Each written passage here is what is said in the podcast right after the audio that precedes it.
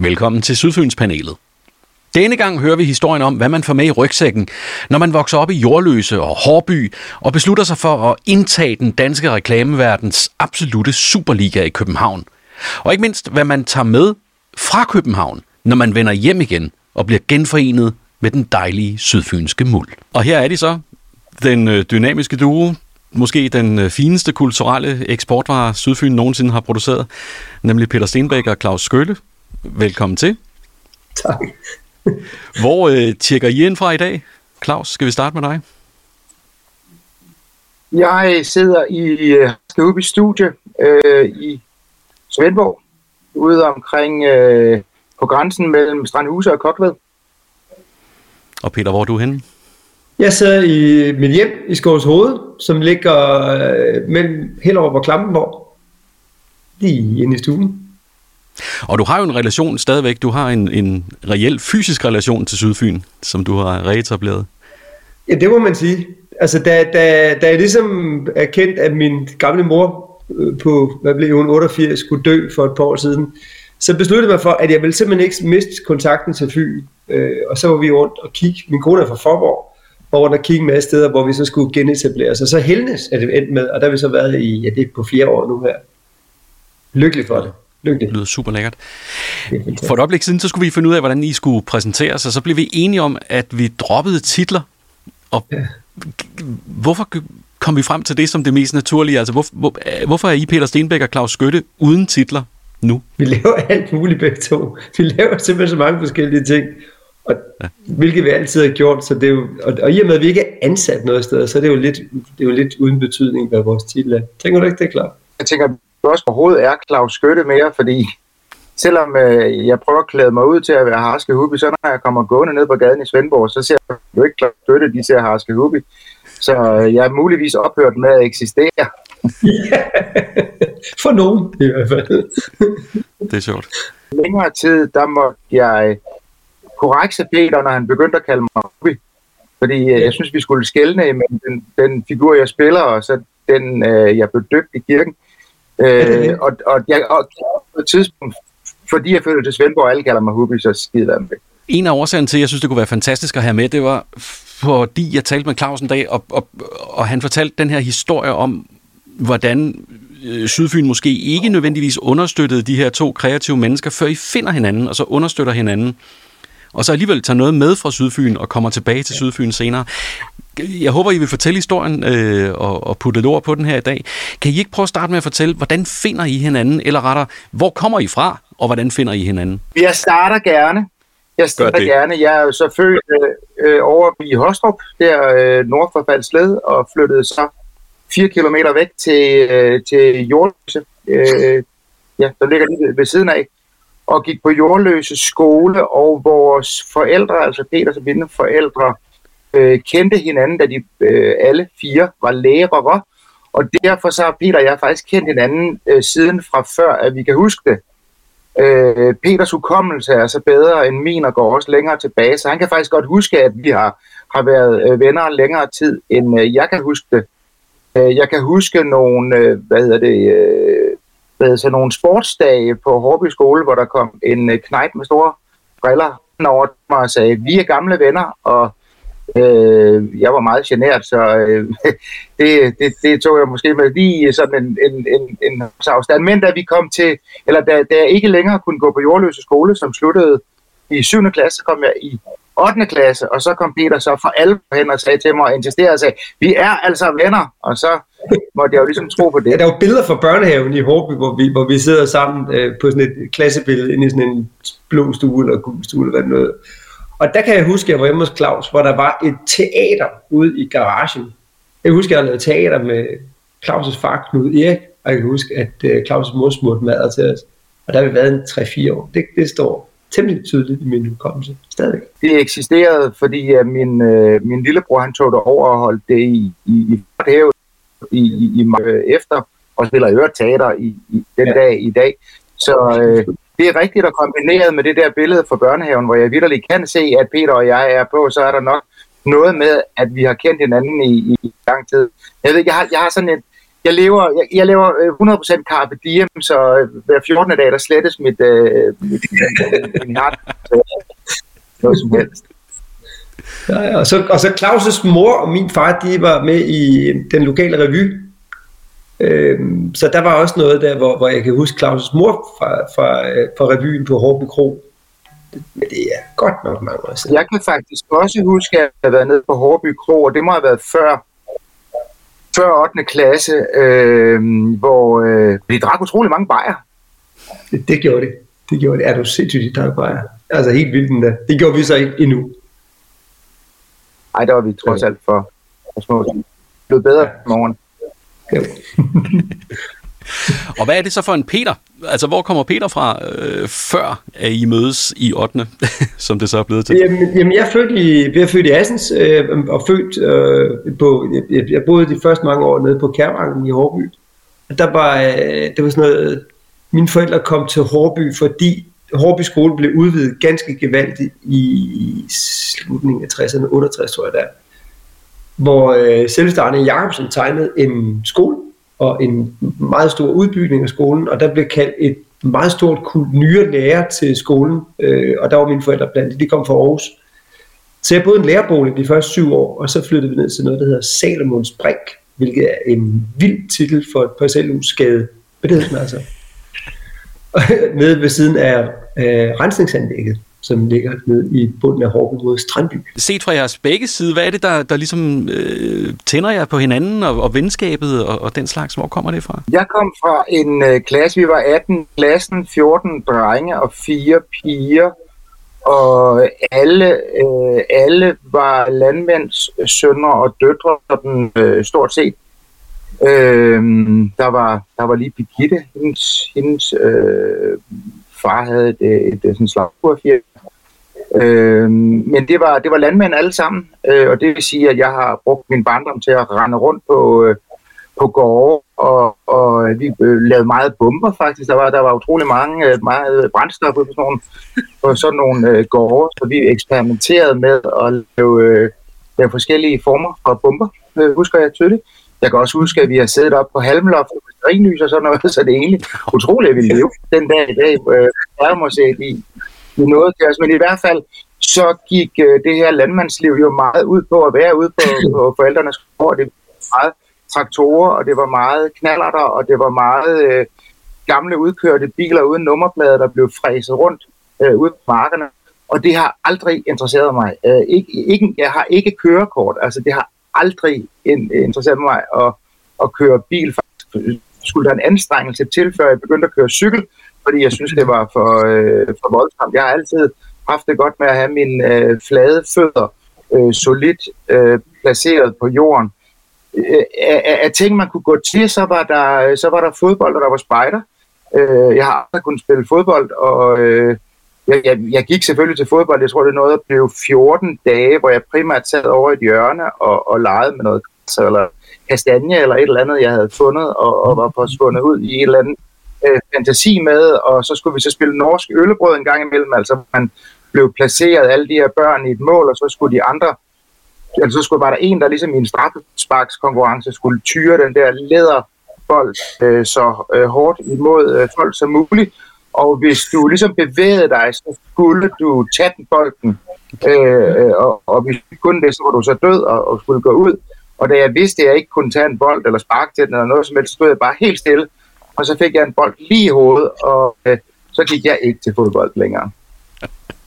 Og så var der jo egentlig så var der ikke så meget tilbage. Øh, øh, det, der så var tilbage, var at, at, at skrive. Øh, jeg skrev min første sang øh, til min øh, farfar, øh, da jeg var 10 år gammel. Den blev en stor succes, og derfor så øh, alle i familien her, jeg skulle skrive sange til, til alle mulige fødselsdage, konfirmationer og hvad der var. Og samtidig så var jeg glad for at tegne, og var glad for formning. Den fantastisk formningslærer. Øh, vi boede lige over for Jordløse skole, og, og, og havde dermed A-nøglen, så jeg tilbragte rigtig meget af min barndom øh, op i formningslokalet, hvor øh, jeg sad og brugte den fantastiske legestue til at lave alt muligt øh, sjovt. Det vil sige, at jeg var en, der kunne tegne, og jeg kunne synge, og jeg kunne skrive sange, og alt muligt, som ingen af mine kammerater interesserede sig for. Og omvendt så interesserede jeg mig heller ikke rigtig for, hvad de lavede. Ikke fordi jeg følte mig ensom, fordi det var, der, der er jo sjovt på en gård, og vi havde det skægt derude, og vi legede mange øh, skægge lege derude, hvor jeg så måske mest var den, der instruerede det og fandt på, hvad, hvad skal vi sige, hvad narrativet, hvad historien øh, var øh, i, i det, vi legede. Og så var det de andre, der udførte det der med at ned eller springe ned fra tag og gøre ting, der man kunne slå sig i stykker på, som jeg gerne holdt mig fra. Og hver eneste gang jeg prøvede det, så brækkede jeg et eller andet. Jeg har brækket hænder og fødder og fingre og tæer og alt muligt. Øh, jeg var det, der hed en er en fumle tumler, eller sådan noget. Det, det er altså, hvis, hvis jeg satte mig op på en cykel eller kravlede i træ, så faldt jeg ned og slog et eller andet i stykker. Så derfor var det bedre, at jeg øh, fandt på historier. Og så kom jeg så til Hårby og mødte mm. Peter, som også kunne tegne og lave historier. Ja, jeg havde, jeg havde en, en lidt øh, en, en, en meget anderledes barndom, forstået på den måde, at jeg, jeg fik faktisk nogle, øh, nogle ret øh, specielle venner i en meget tidlig alder, hvor, hvor min nøgle til, til, at, at, til det der ikke-fodbold, det var præcis på samme måde som Claus. Jeg var elendig til fodbold, og var der også meget kort og meget dårligt. Men øh, jeg begyndte at spille trommer, da jeg var syv år. Og øh, min far øh, lavede en musikskole i byen. Øh, der fandt ikke nogen musikskole, så han oprettede simpelthen en. Han var jo ansat ned på skolen og på biblioteket og havde sådan sin gænge dernede. Og der blev etableret en musikskole, hvor jeg begyndte at spille trommer i den der meget tidlige alder, og fik nogle musikvenner. Der var en fyr, der hed Morten øh, Spindler, som øh, stod op foran brusen i Hårby. Og det har været lige omkring, da Elvis døde, så det har været 80. Øh, han døde i 79. 77. 77, ja. Men, men øh, han, øh, han ja, så har det været 78. Det var lige år efter Elvis døde, så farvede han sit hår sort, og så stod han op foran brusen og spillede Elvis-sangen. Og han, øh, han blev en øh, musik øh, god ven, og spillede, vi, spillede, vi havde et Elvis-band, sammen med et tvillingpar, Per Sten ud fra Snave Mølle. Og oven i det, der lavede vi faktisk en virksomhed, da jeg gik i 5. klasse, hvor vi lavede et øh, skoleblad, et ungdomsmagasin i Hårby, og var rundt og sælge annoncer i Hårby City, og, øh, og lavede anmeldelser og tegneserier osv. Så, så jeg var i gang med at prøve at skrive og tegne og spille mig ud af, af, af det der ikke-fodboldliv. Og da jeg så møder Claus i 8. klasse, så går det ret hurtigt op for mig, at der er noget, som virkelig vagte genklang i det der med at sidde og tegne og finde på. Det er meget kort tid efter Claus er kommet til Hårby skole der i 8. klasse, så er jeg hjemme hos Claus, så cykler vi så til Jordløs og din mor smag, øh, smurte en hel masse rullepølsemad, hvad kan jeg huske. Og så sad vi og tegnede sammen. Så skete der noget, noget helt særligt. Og så, og så skete der også det, at der øh, kom en meget legendarisk fyr i vores øh, liv. Ikke at vi kendte ham personligt, men han hed Kim Schumacher, og han lavede et øh, program på øh, B3, der hed Studie 83, og blev begge to fuldstændig vanvittige forelsket i. Ikke mindst den del af det, der hed hiphop og graffiti, og breakdance og electric boogie. Og der gik jo fandme ikke ret lang tid før, at vi begge to havde et par hvide handsker, og øh, fat laces til, til gummisko kunne man ikke få, men så fandt vi der ud af, at der var noget, der hed kantebånd, og så satte vi det på vores sko, og så fandt vi en papkasse revne stykker, og, og begyndte at, at, at være hiphop i Hårby.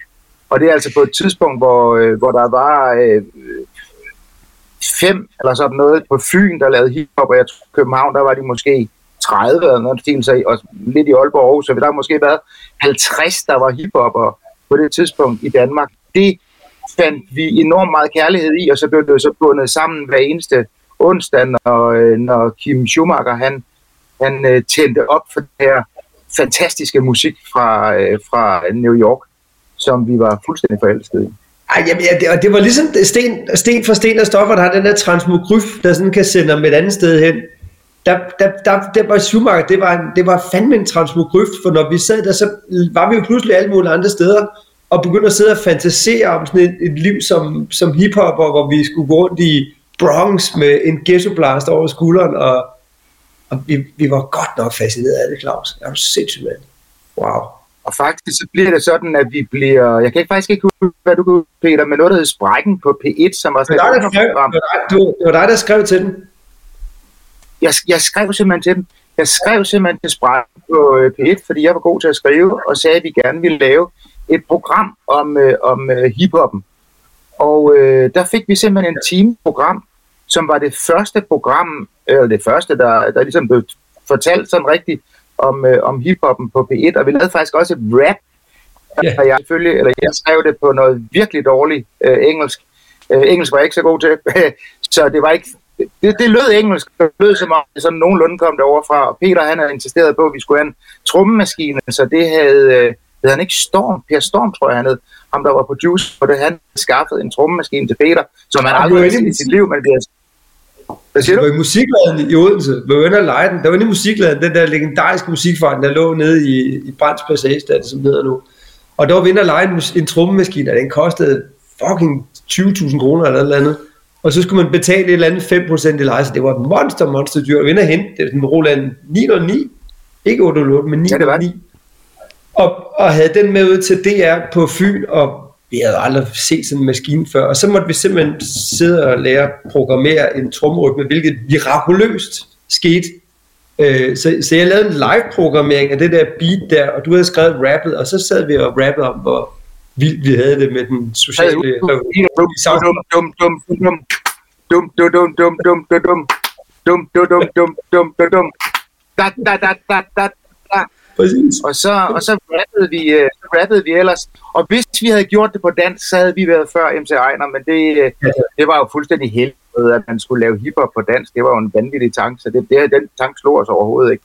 Men vi var i fuldstændig i gang med, med det der hiphop, og, øh, og så skal der ikke være bedre end, jeg tror det er min mor, der ser et, øh, et opslag i den lokale øh, avis, der var været Fyns Stifttiden, eller samtidig, om at der er en øh, person, der laver et opstart, et kursus i graffiti ude i Odense. Så Peter og jeg, vi tager, øh, vi tager simpelthen til Odense og kommer ud til en fyr, som vi døbte Dan Filur, fordi det var meget tydeligt, den her mand her, han vidste intet om, øh, om øh, hiphop eller graffiti, men til gengæld, så kunne han få nogle penge fra kommunen, så han kunne købe noget mere hash. Og det er jo, det var jo et dejligt øh, virksomt liv, han havde der på jorden. Men det gode var jo så, at de der det samlede øh, interessenter inden for hiphoppen, jeg tror vi var syv, øh, mødtes derude ved Dan Filur og begyndte at snakke sammen om, hvad, øh, hvad vi kunne gøre. Og jeg havde, hvad hedder det, jeg havde hjemme taget et par spraydåser med, for jeg tænkte, man kan ikke tage til graffiti uden at have et par spraydåser med. Og der mødte, mødte jeg så en fyr, der hedder Lars Brønsholm, som har tænkt på samme måde, og også har nogle spraydåser med. Og øh, så blev vi enige om at skulle ud og lave noget graffiti, men Peter turde ikke.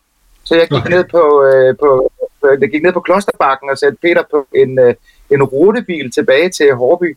Og så gik jeg ud sammen med Lars Brønsholm og under en bro nede ved øh, Odense station, malede vi første graffiti-maleri. Og vi havde faktisk lavet en helt ungdomsklub i Hårby inden da. Du og jeg. Sandhed. Vi fik mulighed for at lave en, en, en fuld dekoration af en, en, en, en altså Hårbys ungdomsklub. Så der gik vi ned, vi gik fandme dernede længe, hvor alle vægge fik simpelthen en fuld bottom, top-down graffiti-dekoration. Øh, og så fik vi hvid spray til de her top, men det var lavet med pensel, men det var meget graffiti-agtigt ellers. Og så dansede vi breakdance. Ja, ja. Er den der stadigvæk dernede?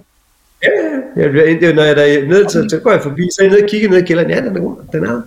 Altså i dag er der jo rimelig åbne muligheder for at komme med i nærmest enhver subkultur, man har lyst til på sådan cirka to sekunder via Google. Ja. Ja.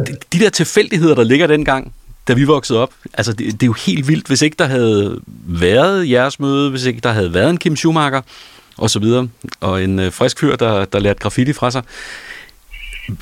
Hvad havde, hvad havde I blevet til, hvis ikke der havde været de tilfældigheder? Jeg, jeg tror bare, at det der, det der, der er med ungdomskultur, det er, at så vidt jeg ved, den første ungdomskultur, det er The Twist i et eller andet 50'erne. Så det er jo mange år på allerede det tidspunkt, der unge mennesker har fundet sammen om et eller andet subkulturelt. Så jeg tror, det er, en, det er lidt svært, Patrick, måske sige, hvis det ikke har været den subkultur, så har der været en anden subkultur. Altså, Mm. Vi stod jo så på ryggen af nogle punker, som stod på ryggen af nogle hippier og så videre, og så videre, ikke? Så det er jo sådan noget, I kan jo kigge på jeres egen børn, hvad det er, de subkulturerer lige nu, som er imod os på den ene eller anden. Det, der var, det, der var, det, der var øh, fantastisk ved hiphopkulturen, var den jo net, netop savnet af, af vores interesse for musik og for, ja. for tegning. Øh, og på den måde, så gik det jo fuldstændig op i, det, vi gerne ville, som vi ikke vidste, at vi kunne få. Og i det øjeblik, at, øh, at vi opdager den kultur, så øh, er det jo simpelthen som, øh, som manna fra himlen og, og, og, og, og, som skabt til os. Så det var jo ikke noget, vi satte os ned og, og diskuterede om, hvorvidt det var noget for os. Altså, vi, vi faldt hinanden på og, og, og råbte og skreg og sagde, det er jo det for fanden, vi skal. Så der var aldrig nogensinde tvivl om, det var ikke sådan, sådan skal vi være punker eller rocker eller, eller begynde at køre traktor. Altså, hiphop var med til os. Selvom vi var i Hårby og meget, meget langt fra Bronx. Ja, men vi havde den der, den der identifikation med, altså, med den der sociale indignation, der var i, i Bronx. Jeg kan tydeligt huske, at den tekst, du lavede til, til introen til programmet, der hvor man går rundt i ørkesløse karater og øh, du ved, de bumpede, øh, de sønderbumpede landskaber og trøstesløsheden og sådan noget der. Det tog vi jo også ind, altså på en eller anden måde, med, med som, som, hvor verden jo på det tidspunkt, den var jo koldkrigsagtig, også dengang. Men, men det der med, at der var det der sociale oprør, som, som var i hiphop, det har man måske lidt glemt nu, men det startede som sociale oprør.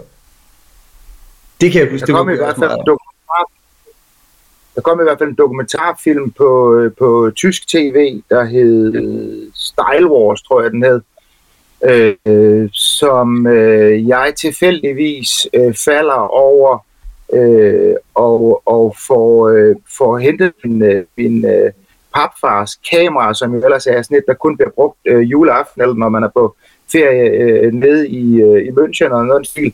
Men øh, jeg tillod mig at tage det kamera, for vi havde ikke video eller sådan noget, vi var temmelig fattige og sådan noget. Og så sad jeg simpelthen og fotograferede øh, billederne fra, øh, fra, den her, øh, fra den her udsendelse omkring hiphop. Og de der, jeg ved ikke hvor mange, der har vel været en 10-15 billeder tilbage på det kamera, det var så det, der virkelig blev vores udgangspunkt. Det var det, der var vores internet. Vi havde de her øh, 10-15 billeder, og det var der, hvor vi skulle skabe øh, hele fortællingen om, om øh, Bronx og en sub subkultur, som vi jo ikke er i nærheden af at, at, at, at være en del af.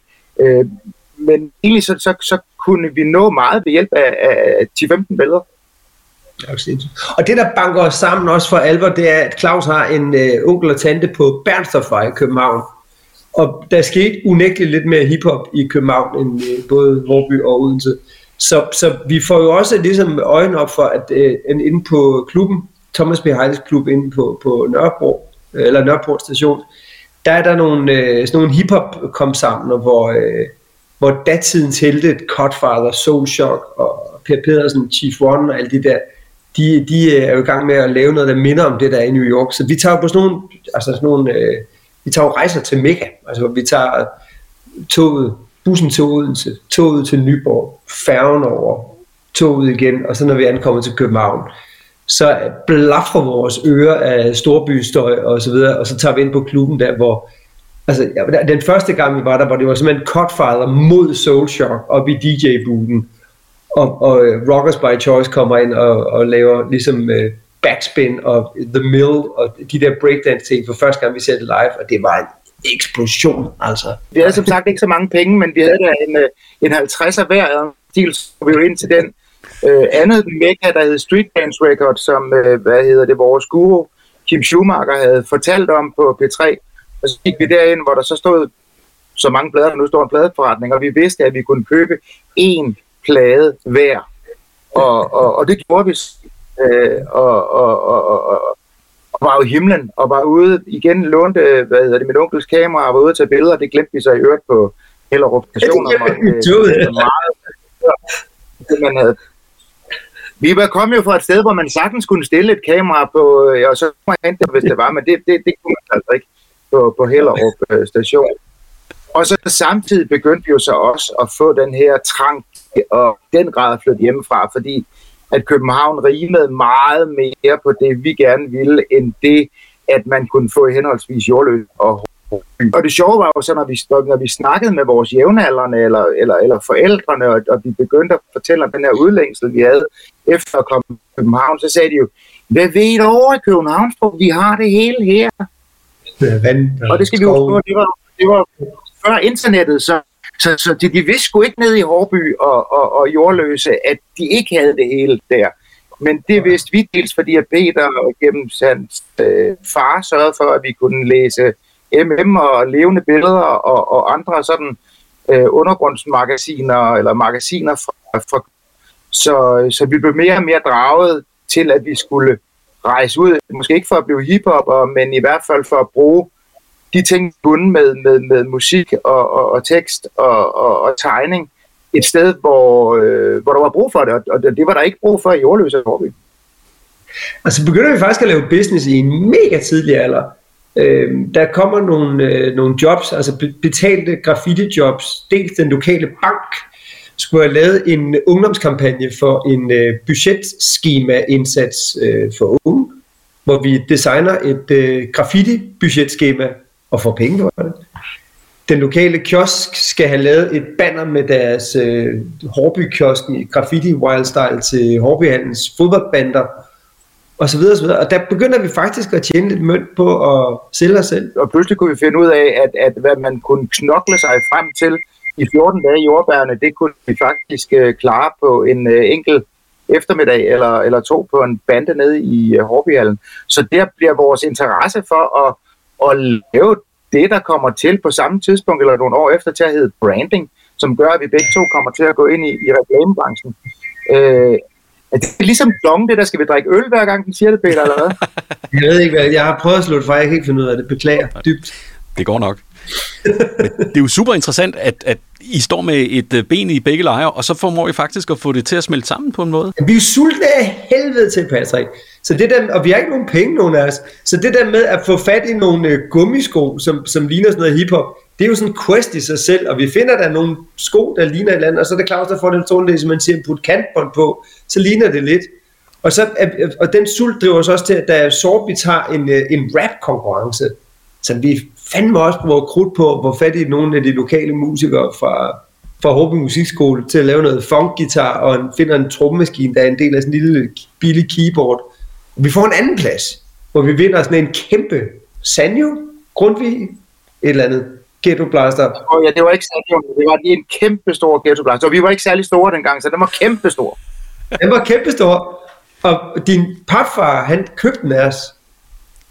Og så måtte vi bruge ja. så vi fik kontanter af ham, samtidig med at vi havde bruseren til, hvor, til den Ghetto Blaster, der købte. Han var, jo, han var jo en af vores vigtige sponsorer, altså. Bestemt, så, så, så på den måde, vi er, vi, vi er fucking sultne.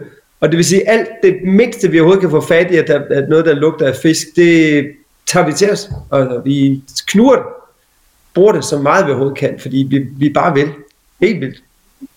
Fantastisk. Og så starter vi så i gymnasiet henholdsvis i øh, Vestjyns Gymnasium og Forborg Gymnasium, fordi jeg bor i Jordløse, som hører til Forborg, og, og, og hvad hedder det, øh, Forby hører til VG, så vi rører på hver sit øh, gymnasium, hvor Peter meget, meget hurtigt bliver træt af at gå i gymnasiet. Øh, jeg får så, øh, på grund af alt mit skriveri, får jeg så en, en, en vækkelse der, også fordi jeg får en fuldstændig uh, fantastisk dansk lærer, Flemming Østergaard, der i den grad uh, forstår at, at, at få mit... Uh, sprog til at blomstre og få åbnet mine øjne og ører for, for, for tekst. Så jeg bliver på gymnasiet, og ikke fordi, at jeg går så meget i gymnasiet, men jeg går utrolig meget ved dansk, og jeg går utrolig meget op i formidling, og jeg maler stadigvæk graffiti og sådan noget.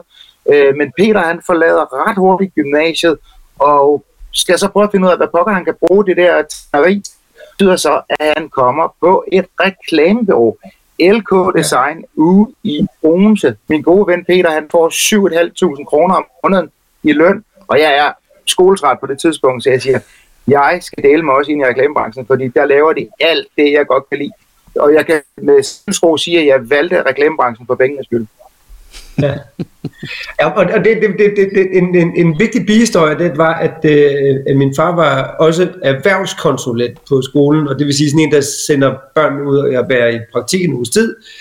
Så han havde adgang til alt muligt shit fra det danske erhvervsliv, og blandt andet, da Danske Reklameborgs Brancheforeningsblad, der hedder Orientering, øh, begyndte jeg via at læse i en mega tidlig alder, og læste om... Øh, om byrålivet i København, som på det tidspunkt jo ved at gå fra at være virkelig low life, meget uagtet på alle mulige måder, begynder faktisk at blive til noget, fordi der kommer farver på pressen, der kommer farver i tv, der kommer Kanal 2 begynder at vise lidt reklamer, og Voice begynder at eksperimentere med radioreklame. Så der sker noget med reklamebranchen, og det er ligesom, der er ligesom to veje for mig, set med mine unge øjne. Det ene er at blive tegneserietegner slash musiker, øh, og så gå den slagende vej og prøve at komme på kunsthåndværkerskolen osv.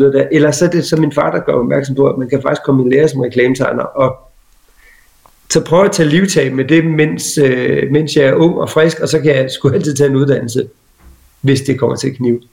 Det var bare lige en udbyggelse af, hvad den lille ting skete. Jeg kommer faktisk til at sidde på øh, den, øh, en af de to Mac-computer, der er på øh, Fyn på det tidspunkt, øh, som er sådan en kæmpe stor kasse, som ikke kan noget som helst. Alt fungerer stadigvæk med, med øh, knuppe og, og, og skalpeller og mørkekammer og sådan noget. Men tekst er der jo også i reklamer, og jeg bliver sat til at være ved, tegnerelev eller rentegnerelev. Jeg skal blandt andet rentegne øh, de her, eller sende øh, de, de, her, de der ketchup og dressinger til Karna, altså pølsevogns øh, dressinger, skal jeg sidde og, hvad hedder det, layoute og sende afsted til tryk, og jeg sidder og, og læser det, de har skrevet, eller det vil sige, det er vores produktionsmand, der er i mangel på bedre, er, er blevet tekstforfatter, og det, jeg synes virkelig ikke, det er godt, det han har skrevet. Så mm. jeg øh, skriver det simpelthen om og sender det til tryk, og så går der jo et par uger, så øh, bliver jeg kaldt ind på kontoret til Leif Wigman, som øh, med mahonibord og, og, og, og strussefjer i sådan nogle røgfarvede øh, glas, og så siger han, at vi skal have en alvorlig øh, samtale, fordi man må altså ikke som elev lave om lave fuldstændig om i teksten og sende det til øh, tryk. Det er meget, meget forbudt og fyring. Men Karna, altså kunden, har ringet og sagt, at de synes, at teksterne er meget, meget bedre, og de er rigtig, rigtig glade for det. På den ene side skulle jeg fyre, så på den anden side, så skulle jeg så øh, til at skrive tekster. Og der, øh, der er der så en anden, en, det er et stort bureau, der hedder Nørgaard Mikkelsen, det er i Odense, og øh, der møder vi øh, Jan og Troels derude, som øh, blandt andet gør, at, at sådan nogen som os kan få ad til en fuldstændig fantastisk ting, der er kommet der, noget der hedder en farvekopimaskine, og, og, og i det hele taget øh, øh, ting, som vi ikke kan få på vores små byråer. Og ham her, Jan Lindholm her, han har lavet noget byrårevy, og øh, der øh, tager jeg ligesom teten og skriver jeg en forestilling, der hedder Gud, Kongen, Fæderland og Partner, som et øh, reklamebureau i middelalderen, som gør, øh, som bliver vist på Brands Glæde for og der er på reklameskolen i København, han er, øh, han er over at se det, og øh, kommer så op i pausen og siger, hvem har skrevet det her? Det er jeg så. Han siger, du skal være tekstforfatter. Og så rykker jeg til København. Så er jeg i København, og Peter er stadig på Fyn. Ja, og, og, og vi skal lige tvæle lidt ved Jan von Nørgaard Mikkelsen, for det, det er også en af vores mange fædre, øh, som er en, øh, en fyr, der er 10 år end os agtig som øh, er, øh, har, han har øh, reklameundervisning for minimand på AOF, altså på aftenskole, og det er en del af min uddannelse, jeg skal tage det kursus hos ham, og så begynder jeg at undervise selv, og kvæg det, det der bekendtskab, der, der, så Janne inviterer os ind i sin verden, og han er lige lidt større kørekort til de her ting her. Og som Claus siger, er der alle mulige lækre ting på hans store bureau. Men det der også er med Jan, det er, han er også sådan en, en, en, en han er, det er jo det, man kalder en god coach. Fordi han, øh, han er god til at se muligheder i unge mennesker. Og, øh, og vi er trods alt kun 10 år yngre end ham, men han, han, er, han er også en af dem, der virkelig opmuntrer os til at, at gøre noget ved det. Fordi vi kommer begge to fra de der småbyråer der, og ikke et ondt om den. Claus han lavede ketchup-emballage, jeg lavede skinke- og pølseemballage, der hvor jeg var i lærer. Så det der med at komme til at lave rigtig reklame, og især tv-reklame, det virkede temmelig langt væk på det tidspunkt. Jeg synes lige, Jan han skulle have lidt ære, fordi han var sgu øh, en vigtig, vigtig brik der. Er du ikke enig i det? Bestemt. Jo, jo i, i høj grad. Altså igen var nogen, der, der, der skubbede til os og så, øh, hvad det var, vi kunne øh, og, og, og hjælpe os med, hvordan vi kunne gøre det bedre. For igen, der var jo ikke, man kunne ikke, man, man kunne ikke gå på nettet og, og, og finde det. Vi var, vi var nødt til at tage de få ting, vi øh, kunne få fat i, og så få det, få det bedste øh, ud af det. Ja. Og jeg kommer så til København og starter på et reklamebureau derude over, og, og, og Peter han går ned til, til Eko, hvor han kommer på, på tegnestue dernede og sidder og laver alle mulige skønne ekoting der. Og øh, jeg er jo så hans, øh, hans, hans forlængede arm over i København, og jeg begynder så, og, og, og jeg er faktisk over i, i Brede, over i Bredebro, over i Sønderjylland, og ser det der forfærdelige sted, hvor Peter han bor på sådan en, en vej, der hedder Midsommervej, hvor alle husene er, er ens, og altså, øh, og med, med ekologoer på alt, for vi alle sammen har sådan nogle polobiler, hvor der står eko på, og de alle sammen de skal samme ting inde i huset, når der står eko på det hele. Og jeg siger, Peter, du, og det regnede af helvede til, han blev tit gør nede i Sønderjylland, og så sagde Peter, du skal simpelthen komme til København, fordi det er lige noget for os. Det lykkedes mig så simpelthen at få ham øh, ansat uh, inden, eller jeg skulle selvfølgelig selv vise, hvad han kunne, men i hvert fald at, at få ham, uh, få ham med i, i, i, på det bureau, hvor jeg var, og så kom vi så begge to til København. Ja. Og, og den, øh, den der ekooplevelse, den er ret syret, fordi der, der sker det, at, øh, at, at min, de, de to chefer, der ansætter mig, øh, de, de, de, de, de forsvinder ligesom ret hurtigt fra deres job af private årsager. Og så kommer jeg til London, hvor jeg har en hel masse oplevelser med et kæmpe kendt designer, grafisk designer, som er med til at give noget af det der, som vi bruger meget senere, det der med at forelske sig i opgaver. Øhm, det der med love på arbejde i reklame. Og det er rigtigt, Claus, han kører, der er fandme langt til Bredebro, øh, bare fra Odense. Jeg tror, at du kommer fra København, og du er der i 20 minutter, og så, og så får du en af de der fredesudbrud, du går i gang med, at det er kraftigt det mest latterlige sted, du sidder og set derhjemme med men du skal fandme, bla, bla, bla, la. Og så var jeg sådan lidt, okay, så er det det, det vi gør. Og så har Claus så fået job hos nogle øh, fuldstændig vidunderlige mennesker i København, som er et, øh, Jamen, de er vel 68'er af alder og sind. En helt kæmpe stor partnerflok, som har et bureau, hvor der godt nok også bliver givet kærlighed til, til de unge ansatte på, på bureauet. Der får vi jo en kæmpe chancer der sammen. Vi bliver, vi bliver et hold, sådan for alvor. Og så ryger vi lidt fra hinanden igen, øh, ikke venskabeligt, men ryger på to forskellige øh, byråer. Og øh, midt i det, der skriver vi en øh, kortfilm, der hedder Torvald, øh, som handler om øh, sådan en lille for et forhudlet øh, knæk, baseret på en parallel øh, klasse med, øh, som, øh, bliver, som bliver til en kortfilm, som faktisk kommer helt ind på Filminstituttet, men øh, som ikke ender med at blive lavet, fordi vi vil have, vi insisterer på, at den skal laves på fynsk, og det vil de simpelthen ikke have inde på Filminstituttet. Der er ikke nogen, der gider at se fynske film. Og det var, det var Grønløk-familien, de havde lavet øh, det var efter de, mange år efter de havde etableret Falsede Kro, de var jo også filmfolk, og der de lavede en film, der handlede om jernbanearbejdere i 1800-tallet på Sjælland, hvor man så havde lavet det greb, at de skulle tale øh, midtjyllandsk, som man gjorde i 1800-tallet, hvilket gjorde, at det blev en meget, meget, meget, meget, meget speciel film. Og det var så filmet i sepia, sådan noget stumfilmagtigt noget, og så talte de det der countervælske sjællandske der. Og det afskrækkede filmbranchen i Danmark for at lave dialektfilm i mange, mange, mange år. Og der hvor Peter og jeg så begynder at, at finde sammen igen professionelt, er da Peter op på det brug, hvor han er på, Vibo Dukker og Partners får besøg af en Fynbo, som har været direktør på, er det Egmont? Disney-delen af Egmont, man lavede Disney-bøger, Disneys øh, kogebøger, Disney-børnebøger osv. Og han forstod jo det der the power of IP og have nogle, nogle figurer i en by, landsby, som Anneby, øh, med diverse karakterer. Det, det er ham, der briefer på, at øh, han vil gerne have en Anneby. Øh, og det, det kort og langt, det er jo det, der ender med at blive til Polleforsnæv, som, øh, hvor vi jo mødes igen. Fordi Claus har så lavet sin harske Hubi-figur hos en af vores andre venner, Mads Vangsø, i Danmarks Radio Regi, og der låner vi Hubi-figuren ind i Polle-universet. Og så sker der utrolig mange ting på utrolig kort tid med vores Fynbo ting i København. Vi bliver rigtig glade for, eller det har vi jo egentlig altid været, men vi er glade for at arbejde sammen. Så øh, i alt den her hurlum hej, sætter vi os øh, sammen en aften og siger, skal vi ikke starte et bureau sammen? Er vi ikke, er vi ikke blevet voksne nok til at kunne starte et bureau sammen? Og det jeg, fik faktisk, et jeg, jeg, fik faktisk, jeg fik faktisk sparket. Jeg havde ikke rigtig noget valg. Det, det tror jeg lidt, du har glemt. Jeg havde faktisk fået at vide, at hvis jeg ikke... Øh, hvis jeg skulle fortsætte min karriere, så blev det under eget tag, fordi jeg kunne simpelthen ikke fortsætte på den arbejdsplads. Jeg fik at vide, at øh, glasloftet var nået.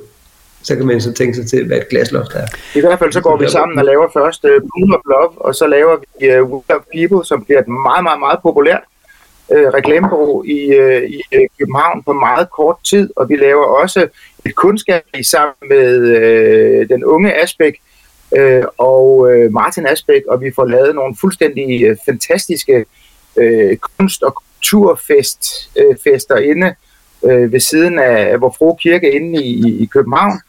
øh, og har det simpelthen så hamrende sjovt, men samtidig øh, er det måske ikke den, den, den største øh, økonomisk sikre øh, forretning, vi har gået i gang i, og med hjælp fra direktøren inden for Wheeler, eller fra øh, Vibo Dukker Partners, eller Partners, øh, eller People Group hed det vel på det tidspunkt, der mm. øh, bliver vi så sat sammen med en, øh, en øh, dame, som skal være CEO, og så skal Peter og jeg øh, så køre reklame sammen med hende.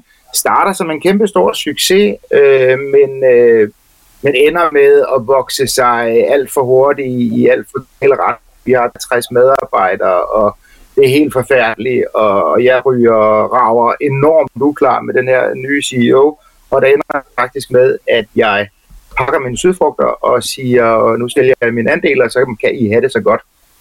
Og så er Peter og jeg faktisk sure på hende. Jeg bliver sgu helt rørt. Ja, jeg skal, så er vi faktisk... jeg skal spole på Ja, ja, men det, det kan vi lige tage om lidt, fordi jeg vil godt spole rigtig meget tilbage, fordi der sker noget i hele etableringen af første Pool of Love og Will of People, som jeg ser som en grande kulmination på alt det der, vi har trænet op og sparet sammen til med, med Fyn og med, med et, jo, det der festgen, vi begge to har, og det der ønske om, at reklame skal ikke bare være reklame, det skal også være, have noget kulturel impact, som i høj grad også var de respektive byråer, vi arbejder, både Mensch, hvor du var på, og vi du partners, havde jo også kulturelle og politiske og alle mulige ambitioner. Så, så det der med at lave et bureau, der kan alle de ting, det, det er jo det, der gør, at det er lidt vildt foretagende, fordi alle ambitioner er ligesom i spil for day one, hvor vi laver sådan noget gastrokop sammen, og vi laver kunstkop sammen, vi laver koncerter, og så er det det, det der gør, at, at på grund af at den store finanskrise, så er det ligesom de offentlige kunder, vi tager fat i. Og så tager vi hele det der hedonistiske øh, designerhygge øh, og mundre sange osv., og lægger ned over rigtig mange af de løsninger, øh, som traditionelt set på det tidspunkt har været virkelig, virkelig, virkelig grå og kommunal og Så, videre. så jeg synes, at, at altså, inden det er rigtigt, der sker alle de der ting, og vi bliver vrede og alle de der ting der, men der er godt nok også nogle år, hvor der er sækkum med af ild i rummerkæden, og det er virkelig, virkelig, virkelig, virkelig sjovt. Og der er alle de ting, som vi har ligesom trænet i sammen, de kommer i spil på en gang. Da I står i den her store københavnske reklamebranche med meget højt til loftet, og, og så også lidt kort til døren, hvad er det så, I har med fra Sydfyn? Hvad er det, som ligger inde i jer, som gør, at I er nogle andre end alle de andre omkring jer? Er det, det er vi, at faktisk næsten alle vores kolleger, de kommer fra, fra Nordsjælland, eller det omkring, vi er ganske få, øh, der kommer ud fra provinsen af, og vi finder i hvert fald der, hvor jeg finder ud af, at der er slet ikke nogen som helst respekt for provinsen. Mange af dem har aldrig været der, de har helt sikkert ikke været på Fyn. Måske har de været i Aarhus, men de interesserer sig ikke rigtig øh, for det. De øh, relaterer meget til, øh, til for hvor laver reklamer øh, for dem, der bor i København og Nordsjælland. Og der kommer vi jo simpelthen med, øh, med, med vores baggrund ude for landet, og det er anderledes end på Østerbro ude på landet. Og vi forstår at tale til dem, og derfor ved hjælp af vores øh, kampagner respektivt og, og øh, fælles, kommer vi til at lave nogle rigtig store succeser. Så pludselig får man så øjnene op for i reklamebranchen, at det der, øh, at, at der bor flere mennesker i Danmark end den en million mennesker, der bor i København. Der er faktisk 4 millioner eller 4,5 millioner mennesker uden for København. Og dem kan vi, fordi vi kommer derfra, øh, forstå og tale med og til, fordi det er jo vores venner. Ja, jeg har en lidt anden vinkel, fordi det, det, det, det, det er en rejse, det er rigtigt, det ender der, men, men der hvor, hvor, hvor nogle gange, og det synes jeg har set mange gange i København, at folk, de er rigtig bunderøve, nogle gange så bliver de så storbyagtige, fordi der er noget, der skal kompenseres for på en eller anden måde af naturlige årsager. Så jeg vil sige, at nogle af de første mange løsninger, vi laver, Claus, de er godt nok urbane og raffinerede og på kanten af, af avantgarde-kunst. Øh, det der med, at det bliver meget folkeligt, det er meget senere. Det er meget senere. det er du faktisk fuldstændig ret i. Jeg kommer pludselig i tanke om, at jeg gik rundt i poncho og kobberhat og nogle meget mærkelige briller engang. Så jo, det har vi jo stadig. Så kompenseret avantgarde, så det hele kunne være nok, mand. Sindssygt. Du var jo vild for at vinde konkurrencer. Du var jo fuldstændig ellevild for at vinde de der byråkonkurrencer, eller reklamens egne konkurrencer i nogle meget specifikke discipliner. Så du tog det jo satan ned med os alvorligt med, altså med den vildeste, du har jo den der hæftige disciplin der, som du lagde ind over dig, og du vandt jo et milliard priser af samme årsag. Det er lidt senere, det bliver hyggeligt og folkeligt. Hvorfor er det så vigtigt med de priser, Claus? Hvor, øh, hvor kommer det fra? Og det er noget med at blive øh, elsket og anerkendt af ligesindede. Det tror jeg. Nu har jeg aldrig gået til psykolog, men det tror jeg, hvis jeg brugte nogle penge på en psykolog, vil sige, at øh, det var det. Jeg kommer fra en familie, hvor især min, øh, både min, min pappa og min mor, men især min mor er vanvittigt stolt af, af, af mig og mine to brødre. Så vi er blevet sådan ros igennem hele vores barndom. Så jeg har simpelthen været vant til ligesom at få en, øh, en øh, få ros hver gang jeg har lavet et eller andet. Øh, og der er priser jo en fantastisk måde at få ros på. Historien om Peter Stenbæk og Claus Skytte fortsætter i næste afsnit af Sydfynspanelet. Og her er lidt af det, du kan glæde dig til. Så sad vi i vores rådende raseri øh, hver sit sted i øh, byen med vores hvad hedder, mobiltelefoner og sagde, det kan godt være, at vi hader hinanden nu, vi skal altid være venner. Jeg ved ikke, hvordan det kommer til at ske. På et eller andet tidspunkt bliver vi venner igen. Ja, idiot. Husk, at du kan finde alle afsnit af Sydfynspanelet. Det kan du på YouTube ved at søge efter Sydfyn TV. Det kan du på Facebook ved at søge efter Sydfynspanelet. Og så kan du også finde os på alle de store podcastplatforme som en lydpodcast. Indtil vi ses igen, ha' det godt.